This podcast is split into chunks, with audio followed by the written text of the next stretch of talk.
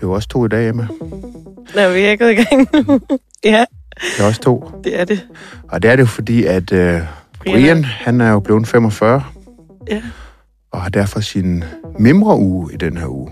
Sådan er det her på Ekstrabladet. Det ligger i, ligesom i overenskomsten, at når man bliver 45, så får man ekstra uges ferie. ja. Og den holder Brian så i den her uge. Gammel mand, En gammel mand. modsætning til os to. Ja. Unge. Ja, ja, altså der er jo hele, hvad er der, 10 dage eller sådan noget, til du bliver 45. Så Glæder mig til min mimre uge. Du lytter til podcasten Ingen Kommentarer. Studiet af Joachim B. Olsen Det her, det handler om politik. og Emma Bus. nu skal vi lige være lidt seriøse i gang. Jeg har ikke yderligere kommentar. Vi vil ælde dem Det ville være en kæmpe sejr, hvis det kunne lykkes. og modellere dem og blive ved, Brian, helt ærligt, er det ikke for dumt? indtil der kommer et svar. Og så i mellemtiden, så siger jeg, kom så. Please. Hold fast. Ja, og vi skal jo snakke, altså først og fremmest skal vi jo snakke rigtig meget Claus Hjort. Øh, vi har Rasmus Jarlov med senere. Ja. Til en øh, lille snak om balladen. Øh, Han sendte lige en sms der. Han er klar til en interview. nå, fedt. Jamen, han får lige lov til at vente lidt endnu. Øh, vi, ja, Ja, det vi skal skal vi. snakke med ham om, hvad, hvad skete der? Hvorfor, hvor, hvorfor står konservative lige pludselig på den side, der hedder, at man ikke skal ophæve immuniteten? Ja. Jeg tænker, at vi starter lige i den lidt lettere ende først, og en lidt, øh, måske lidt mere, jeg ved ikke, underholdende historie. Vi har, vi har Bertil Froland med, som jo ikke bare er ny i den her podcast, men også, han er også ny på Ekstrabladet. Ja, spritny. Spritny. To og en halv uge. Ja. Vi har lært det hele. ja. Nå, men du har jo en historie ude i dag, øh, som ligger lidt øh, oven på nogle historier, du har udgivet i løbet af ugen, sammen med David Atardo, vores kollega. Men måske vi lige skal starte med den nyeste historie, som vi jo simpelthen har kørt breaking news på. Jamen, den, øh, den, den nyeste historie, det er, at øh, som vi skrev før, så har kulturminister Anne Halsbo været i, øh, i Kalifornien for at snakke med tech-ambassadører og besøge Oscarshowet. Og den nye historie er, at øh, hun nu simpelthen har været ude og beklage, at de har givet så gudsjammerligt mange penge for de flybilletter, og at, øh, at det nok kunne være gjort billigere. Øh, Ja, og gud jammer lidt, det er jo knap 100.000 for hende. Det er, retur. hvis vi kigger, altså de var fem afsted, ikke? Jo. Og hvis vi kigger kun på ministeren, så har vi den nette sum af lidt over 95.000 kroner for at få lov til at flyve øh, fra København over London til San Francisco, og så fra LA over London hjem. Okay. var Det, det kan man jo 95. næsten få en jordomrejse for, øh, sådan en pris. Jamen, nu er det længe siden, jeg har købt billetter i den øh, prisstørrelse, men, øh, men det, øh, det er noget af en pris. Det er også på, øh, på business class øh, hele vejen frem og, øh, og tilbage. Ja, og det, det er for hende selv, og så... hun var på business class, og hendes rådgiver var Ja, altså, de, øh, det bliver øh, et lidt rodet billede, fordi at øh, hvis vi nu kun kigger på turen derover, så er det faktisk både øh, mi- ministeren, hendes særlige rådgiver og ministersekretæren, som alle sammen flyver på business øh, over London. Og øh, for hver er det lige omkring øh, 40.000, Mm. altså per billet over. Og så øh, for ministeren er der det, at hun flyver så hjem igen fra LA, øh, og samme billet hjem over koster 56.000 kroner. Og så er det, vi rammer op. helt vildt for en billet. så rammer vi op på de der små 100.000, øh, ja, hvor at, øh, at den særlige rådgiver, han, øh, han bliver i Kalifornien øh, for private formål, mm. øh, hvor ministeren rejser hjem. Men han bliver så og flyver så hjem på en, på en mere almindelig billet øh, på et senere tidspunkt, som vi ikke kender og jo ikke har nogen større interesse i hans private øh, planer. ja. Ja, og øh, det, det skal ikke være nogen hemmelighed, at vi backstage på redaktionen har diskuteret lidt om, altså om den her pris er vildt høj, eller om den er, altså om det på en eller anden måde øh, kan retfærdiggøres. Men det lyder som om, hun ikke selv synes, at de kan retfærdiggøres i hvert fald. Hun har i hvert fald været ude nu og sige, at, øh, at den pris, den var nok for høj.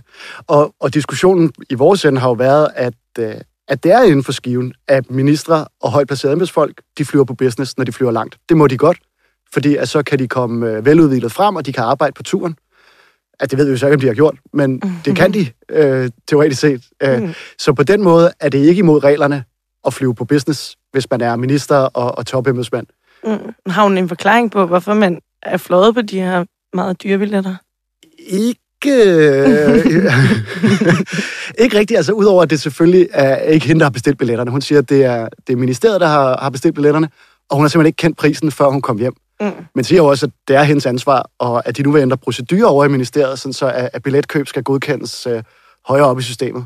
Okay. Fordi der er også det, at nogle gange skal en minister jo afsted på et sekunds varsel. Mm. Og så ringer man til flyselskabet og siger, at vi skal simpelthen bruge en billet til, til Shanghai i morgen. Og det koster kassen. Altså, der kan vi være mm. Langt over 100.000 kroner bare for den ene vej. For det er sådan nogle særlige billetter, flyselskaberne gemmer. Så nogle gange kan det bare være enormt dyrt. Mm. Men, som ministeren også siger, det var jo ikke det, der var tilfældet den her gang.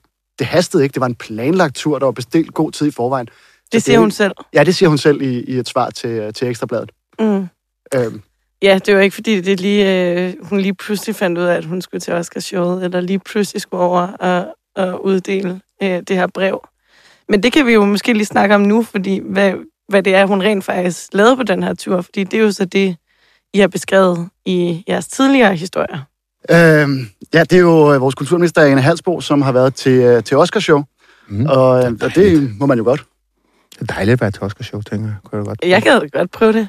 Var det Will Smith og Oscar-showet? Det var præcis der, hvor Will Smith han, øh, havde svært ved at styre sig. Så ja, det vil jeg altså sige, et historisk Oscarshow, hvis du skal være Ja. til det. Men øh, historien, som, øh, som vi har bragt, øh, handler, ikke, øh, handler ikke om Oscarshowet, fordi øh, det må en, øh, en kulturminister i år som sådan gerne, øh, gerne tage til. Mm-hmm. Det er jo inden for skiven. Den handler om, øh, om alle de dage, der var før Oscarshowet. Og øh, det starter med, at de, øh, de flyver over den 23. Oscarshowet er den 27. marts. At øh, de øh, fire fra Kulturministeriet flyver over den 23. til øh, Kalifornien. Fordi at de den 24. skal aflevere Danmarks ønsker om mere åbenhed til tech-giganterne. Det er sådan en del af regeringens udspil, hvor at, at den danske regering ligesom vil sætte foden ned over for de her gigadoniske globale tech-virksomheder. øhm, Så de Ja, ja, og bruger det er jo- flittigt Ja, selv.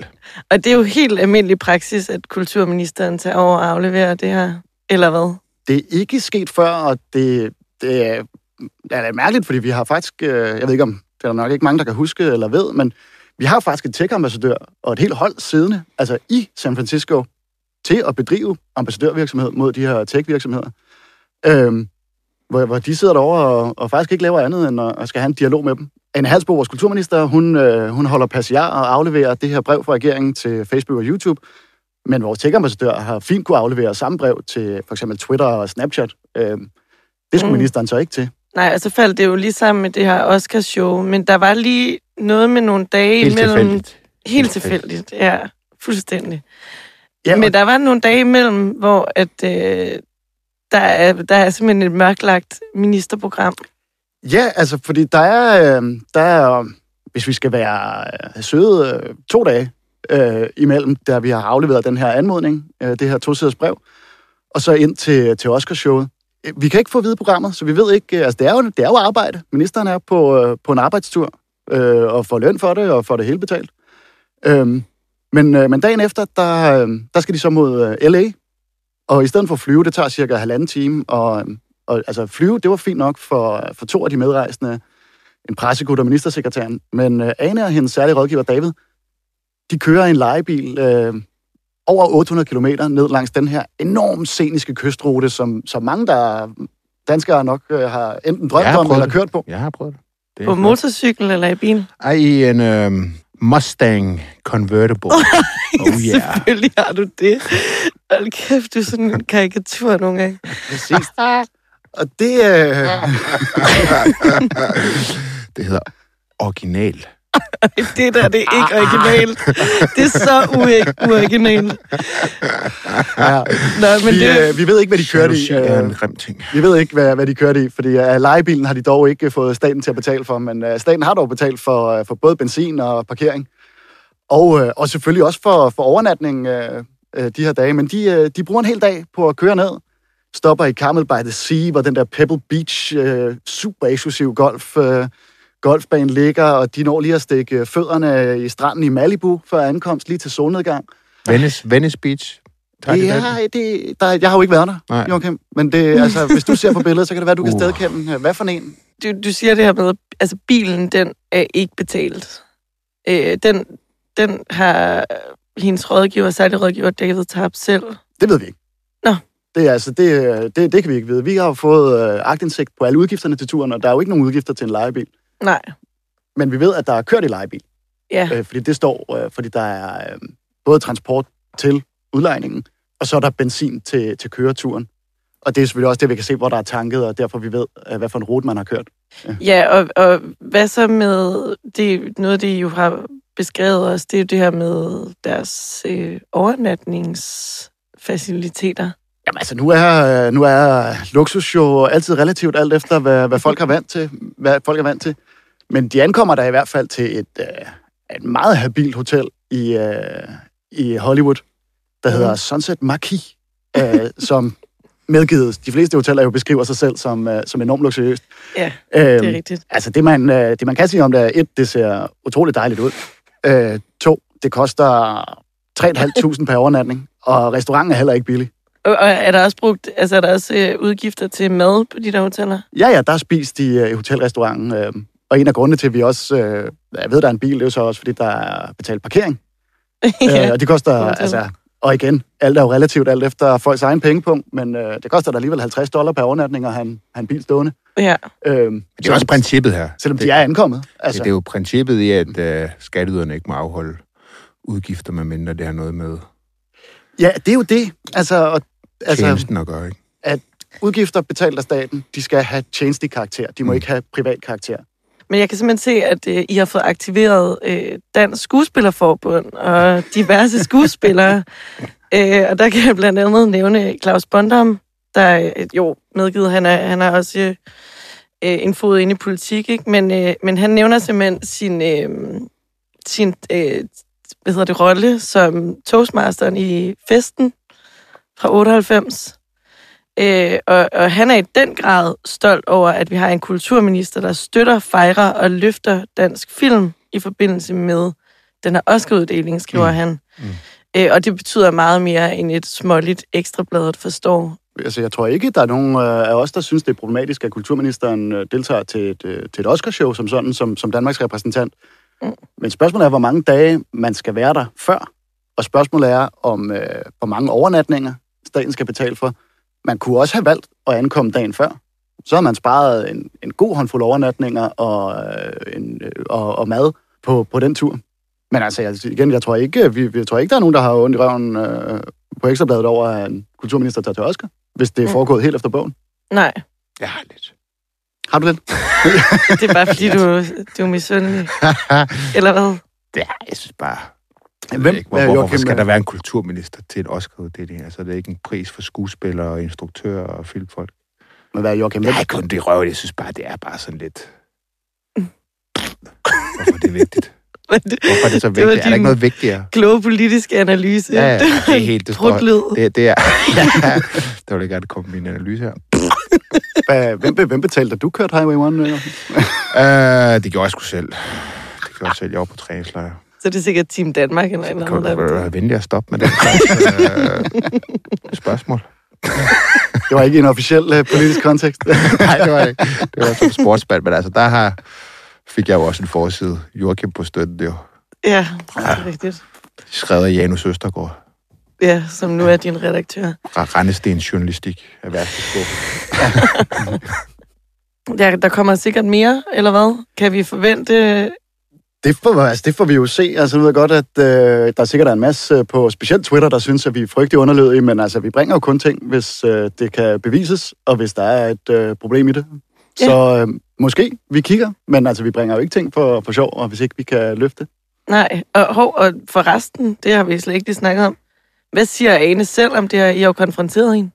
Ja, ja, men altså, hun siger, at det er, det er helt inden for, øh, for skiven. Øhm, at øh, det, var, det var vigtigt at få afleveret det her brev, Mm. og så var der simpelthen en transportdag, og den kunne ikke, øh, altså, der var ikke mulighed for at bruge den bedre, end at køre en hel dag ned langs kysten i en lejebil og tage billeder. Nej, hun kunne, hun kunne altså absolut ikke være hoppet med på det indrigsfly, hvor at nogle af hendes ansatte blev sendt afsted. Jamen, øh, hvis jeg husker citatet frit Forkommen, så siger hun, vi kunne vælge mellem at køre og flyve. Vi valgte at køre, for det var en utrolig smuk tur. Cool. Ingen kvaler. øh, Skatteborgerne betaler. ja, for at bruge en kliché. Jamen, tusind tak for det, Bertil. Det er jeg ikke for fint til. Tak for invitationen.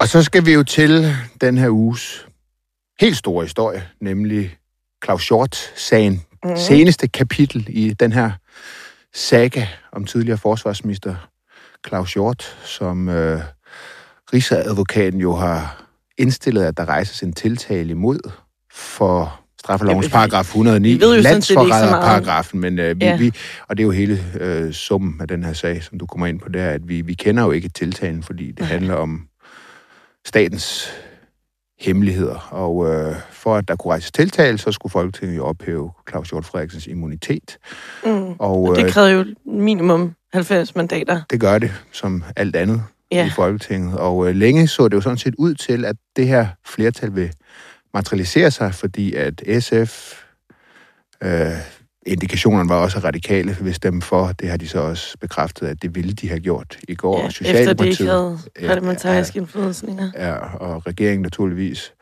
Og så så det jo også ud til, at konservative, de ville stemme for, som det eneste parti i, i Blå Blok. Mandag, der var Søren Pape Poulsen til fortrolig orientering hos Mathias Tesfaye, mm-hmm. og rigsadvokat Jan Rickendorf var også til stede, og han blev sat grundigt ind i sagen. Øh, det, det, man, det, man ja, har men kunne vi forstå... ved heller ikke helt, hvor, altså, hvor grundigt... Hvad, de, de har jo alle sammen været igennem den her orientering, og det er lidt svært at finde hoved og hale i. Ja, men Altså- det, jeg tror, jeg har... Altså, når jeg ligesom har talt med folk mm. øh, i regeringen, så har de jo ligesom givet indtryk af, at øh, de har givet for, forskellig information til partierne, alt efter, hvordan partierne havde markeret, at de ville stemme. Så mm. De partier, der ligesom havde sagt, vi kommer ikke til at stemme for, altså havde sagt det på forhånd, de fik ikke en, en, en, en, en fortrolig orientering. De Mm. partier, som ligesom havde sagt, at øh, vi har ikke besluttet os endnu, de fik en fortrolig orientering. Så det vil sige, sådan en som Morten Messerschmidt har fået en helt fortrolig orientering. Og det har Søren Pape Poulsen altså også. Og øh, mm. han kom jo så ud fra den her fortrolige orientering og sagde følgende.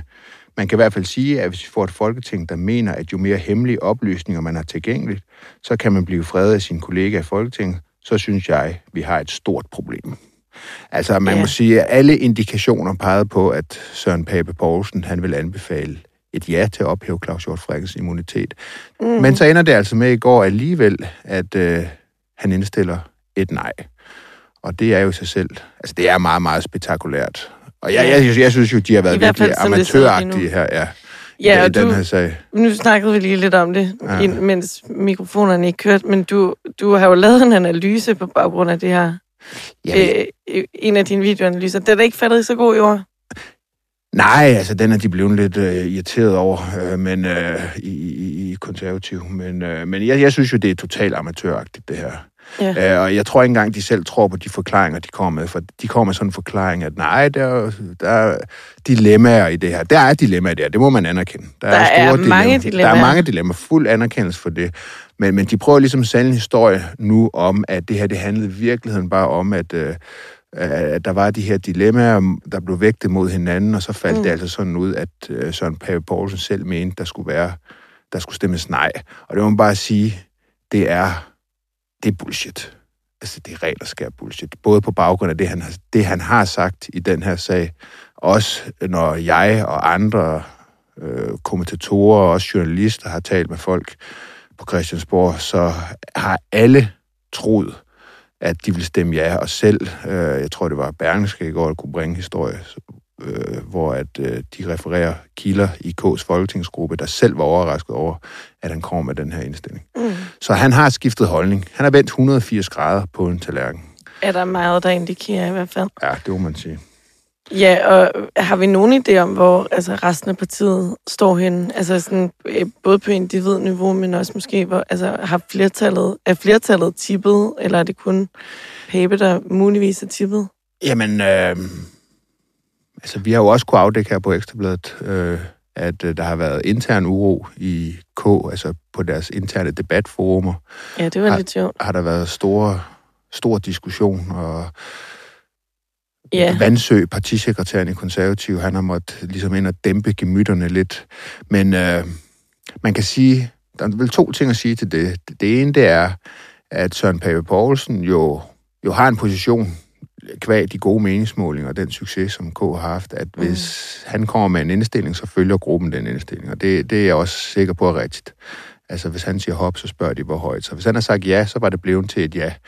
Og så, hvis jeg bare lige må indføre, så er der noget meget, meget sjovt, når de prøver ligesom at fortælle og forklare, øh, sagens sammenhæng i den forstand, at, at de prøver ligesom at sige, altså helt praktisk så foregår det jo til synligheden på den måde, at når de skal diskutere sådan en sag her, så sætter lederen Søren Pape Poulsen ned, og så siger han, hvad han mener om den her sag. Det synes jeg i sig selv er lidt interessant, fordi jeg mm. tror, det står i en sådan ledelseshåndbog på side 1, at hvis en leder vidderligt er interesseret i sine ansattes holdninger, så starter han ikke med at sige, hvad han selv mener.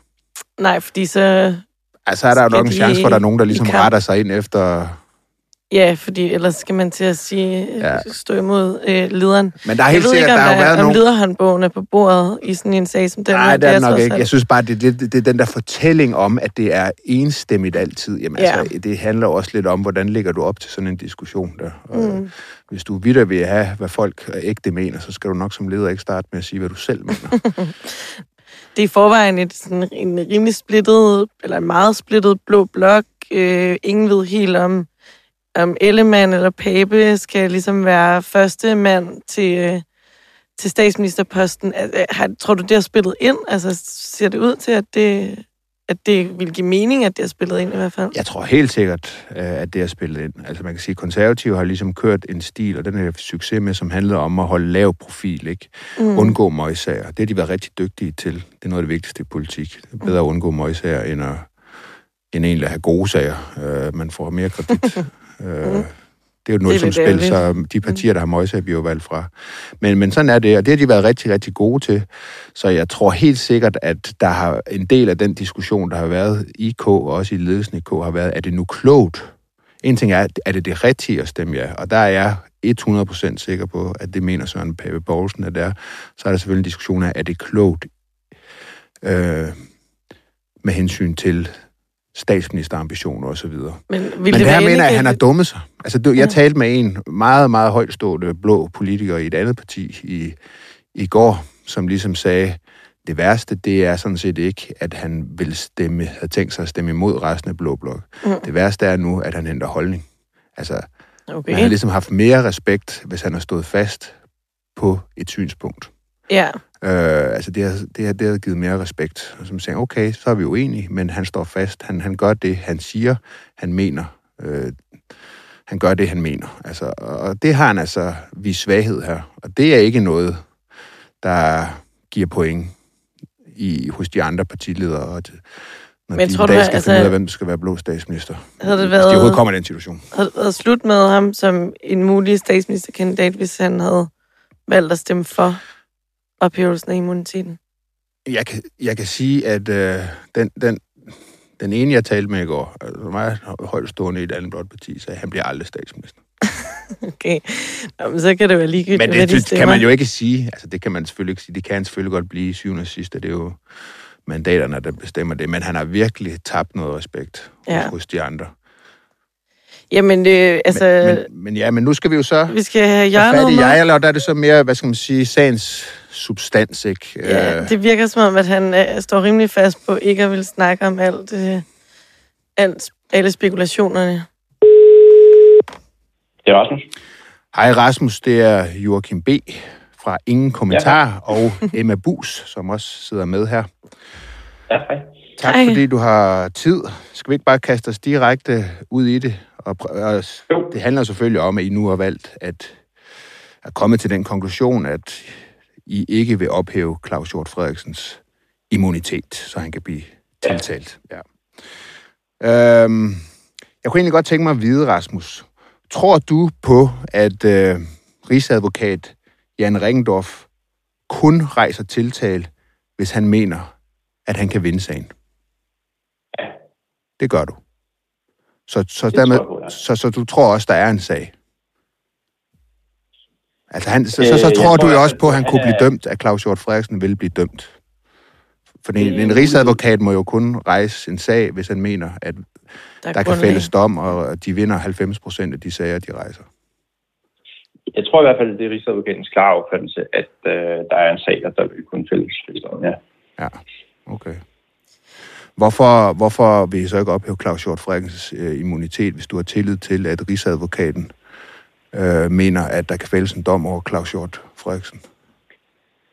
Fordi vi respekterer grundloven, og i grundloven er der indbygget, øh, at der er en ekstra bremse på at føre sager mod folketingsmedlemmer, som er, at Folketinget skal stemme om, hvorvidt vi vil ophæve immuniteten. Mm-hmm. Og øh, den bremse kan vi ikke øh, udføre. Øh, vi kan ikke øh, få nogen indsigt i, hvad øh, sigtelsen er øh, rejst på grund af, og hvorfor den bliver rejst. Og øh, derfor så kan vi ikke stemme øh, ordentligt. Vi kan ikke træffe beslutningen ordentligt. Og når vi ikke kan træffe en ordentlig beslutning, så øh, har vi så vurderet, at så, så er det bedre øh, at sige nej, end det er at give øh, grønt lys. Men det er en svær afvejning, og øh, der er selvfølgelig øh, klare problemer ved men, men, også den beslutning. Men Rasmus, der er jo masser af sager, som Folketinget tager stilling til, hvor Folketinget ikke har fuld indsigt. Du har selv været med til at stemme en FE-kommissionen igennem.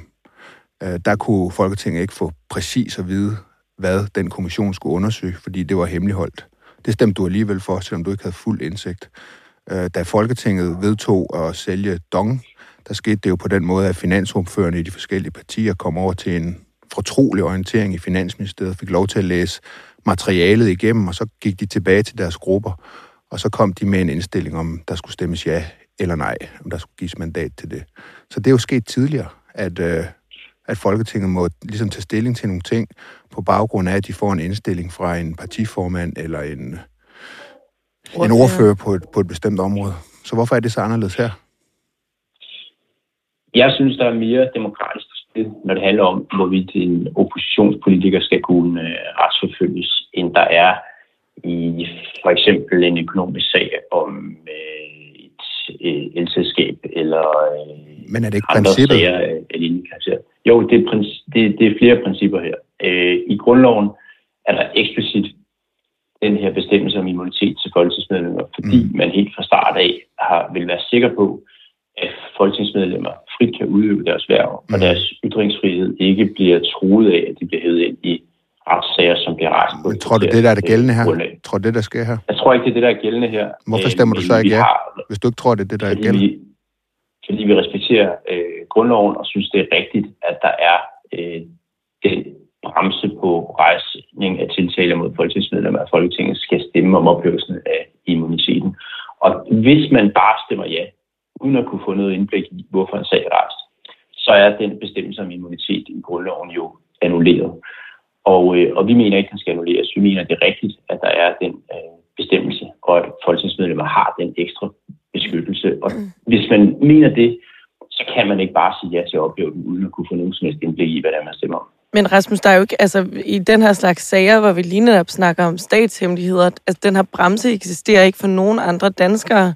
Vi har ikke det privilegie. Hvis jeg blev, altså, hvis jeg blev tiltalt for landsforræderi, så ville det jo formentlig være en sag, der blev ført bag dobbeltlukkede døre, hvor man heller ikke ville kunne få adgang til nogle oplysninger. Tror du, det her det, altså, gør politikerleden større eller mindre, at I har en immunitet over for nogle sager, som vi andre ikke har?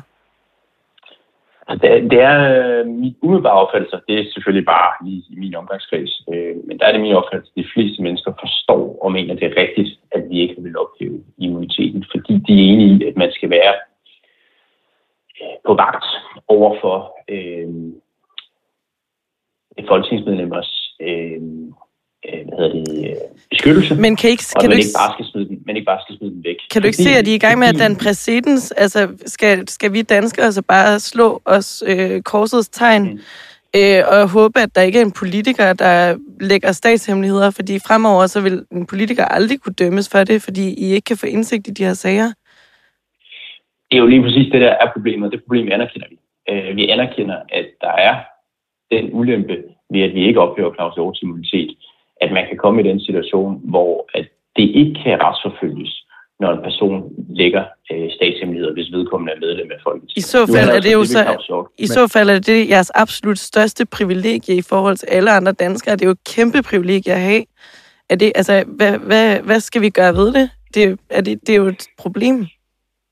Ja, det kan man sige, men man kan jo også sige, at der, der er jo en grund til, at det er der. Øh, og det er jo fordi folketingsmedlemmer er i en særlig situation, at øh, de måske kan være mere udsat for at blive hævet ind i grundløse retssager på grund af ting, de har sagt. Men du har jo lige sagt, at du ikke du, du har tillid til, at det ikke er en grundløs retssag. Det er jo det, du siger, når du siger, ja. at du har tillid til, at øh, Jan Reckendorf, som øvrigt blev ansat af din egen partiformand som rigsadvokat, han ikke fører sager af politiske årsager. Han, fører, han rejser, han mener, at skal rejse en tiltale, fordi han mener, at han kan vinde en sag. Ja. Så du, du tager ligesom et princip, der er i grundloven, som handler om, at, øh, og som er der, fordi at en regering ikke skal kunne politisk forfølge øh, politiske modstandere, og så siger du samtidig, det tror du faktisk overhovedet ikke er det, der er på spil her. Så hvorfor stemmer I så ikke ja?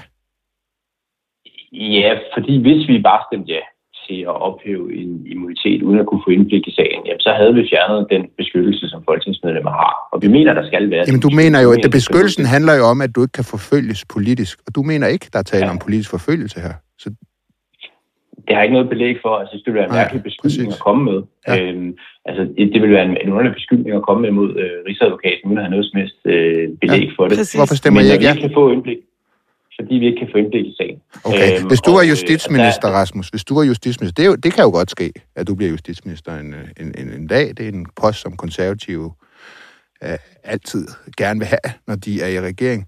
Og Rigsadvokaten, han kom til dig og sagde, jeg ønsker, at der skal rejses øh, tiltale, jeg indstiller, der skal rejses tiltale mod det her medlem af Folketingets øh, kontroludvalg. Vi mener, der er blevet lækket øh, hemmelige oplysninger. Så vil du sige til ham, det øh, kræver altså, at øh, samtlige 179 folketingsmedlemmer, de får øh, indblik i de her statshemmeligheder, som er altså blevet lækket.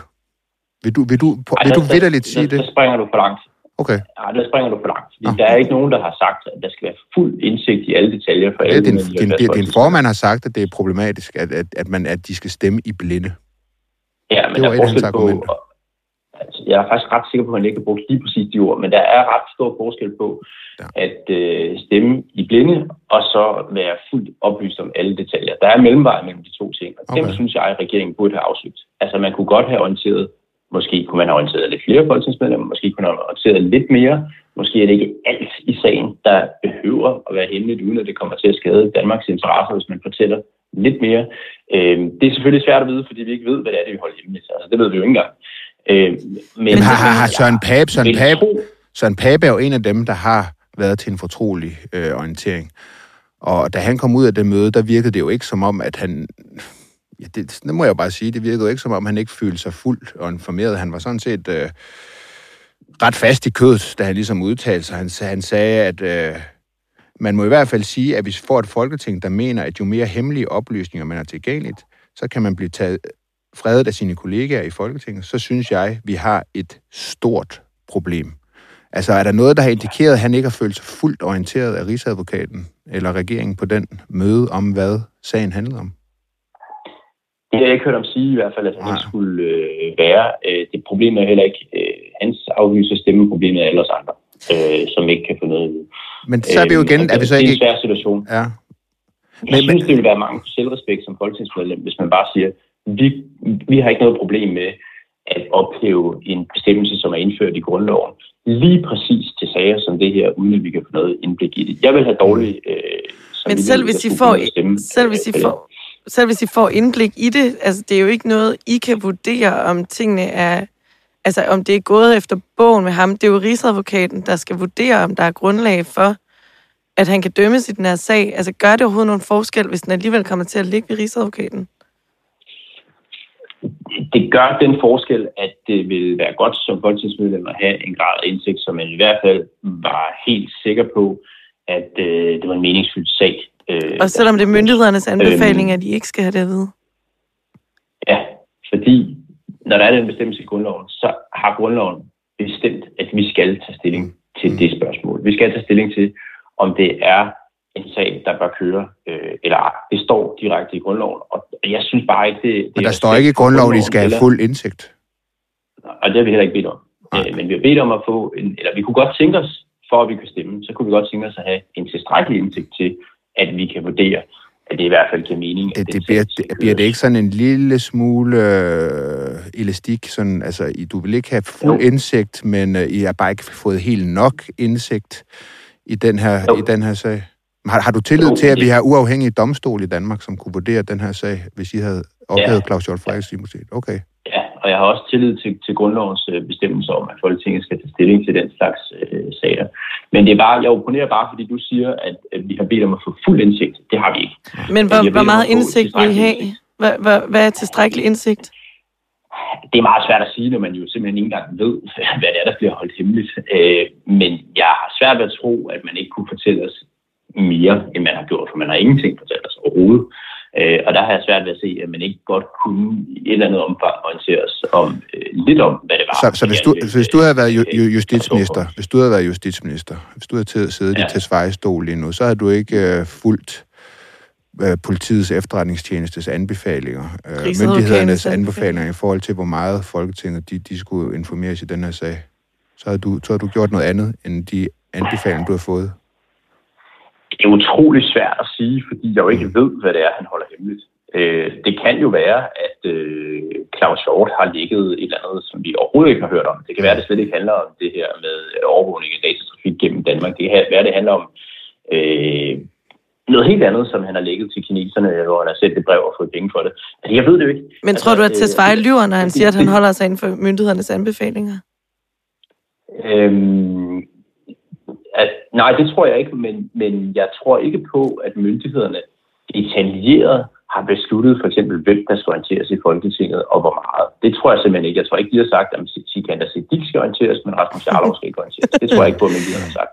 Øh, og, og derfor så er der et valg fra en regering i forhold til, hvor meget man vælger at orientere Folketinget. Og der har jeg indtryk af, at de godt kunne orientere noget. Jeg har svært, eller lad mig sige, at jeg har svært ved at forestille mig, en situation, hvor de ikke godt kunne orientere mere, end mm. øh, de har valgt at gøre. Og måske, måske er det forkert, måske mm. kan de ikke orienteres noget mere, men så er omkostningen så bare, så kan vi ikke tage Det finder vi jo så aldrig ud af, fordi at der ikke er nogen, der Nej. vil lade sagen gå ud. Okay. Ja, ja Lav, du, du har jo i Folketingssalen stemt for, at landets statsminister skal sættes for en rigsret. Det har du gjort på baggrund af en borgerforslag. Det har du gjort, inden sagen overhovedet var færdigundersøgt. Hvordan kan du stemme for, at landets statsminister skal få en rigsret uden at sagen den overhovedet er undersøgt, men du kan ikke stemme for, at et menigt folketingsmedlem skal ophæve sin immunitet, når rigsadvokaten, anklagemyndigheden i Danmark, øh, ønsker at rejse en tiltale.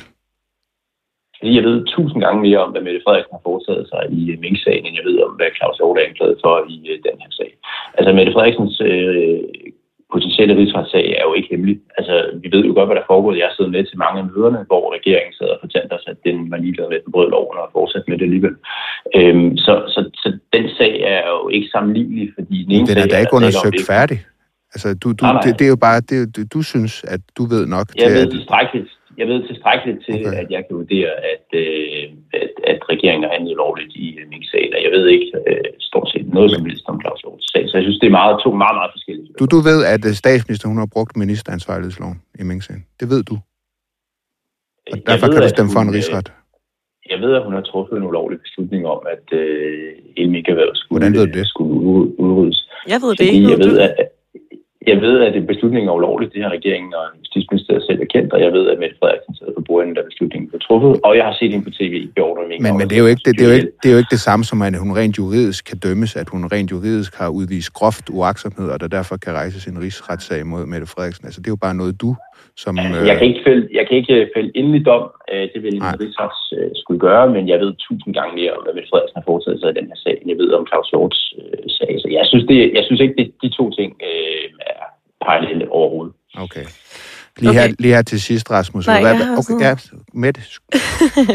jeg vil bare lige, jeg vil lige høre dig. Vi har, ikke, vi har ikke nødvendigvis ry for at være de mest konstruktive i det her program.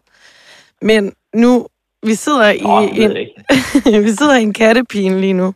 Fordi I kan ikke få indsigt i sagerne, formentlig på myndighedernes anbefaling, som vores justitsminister siger.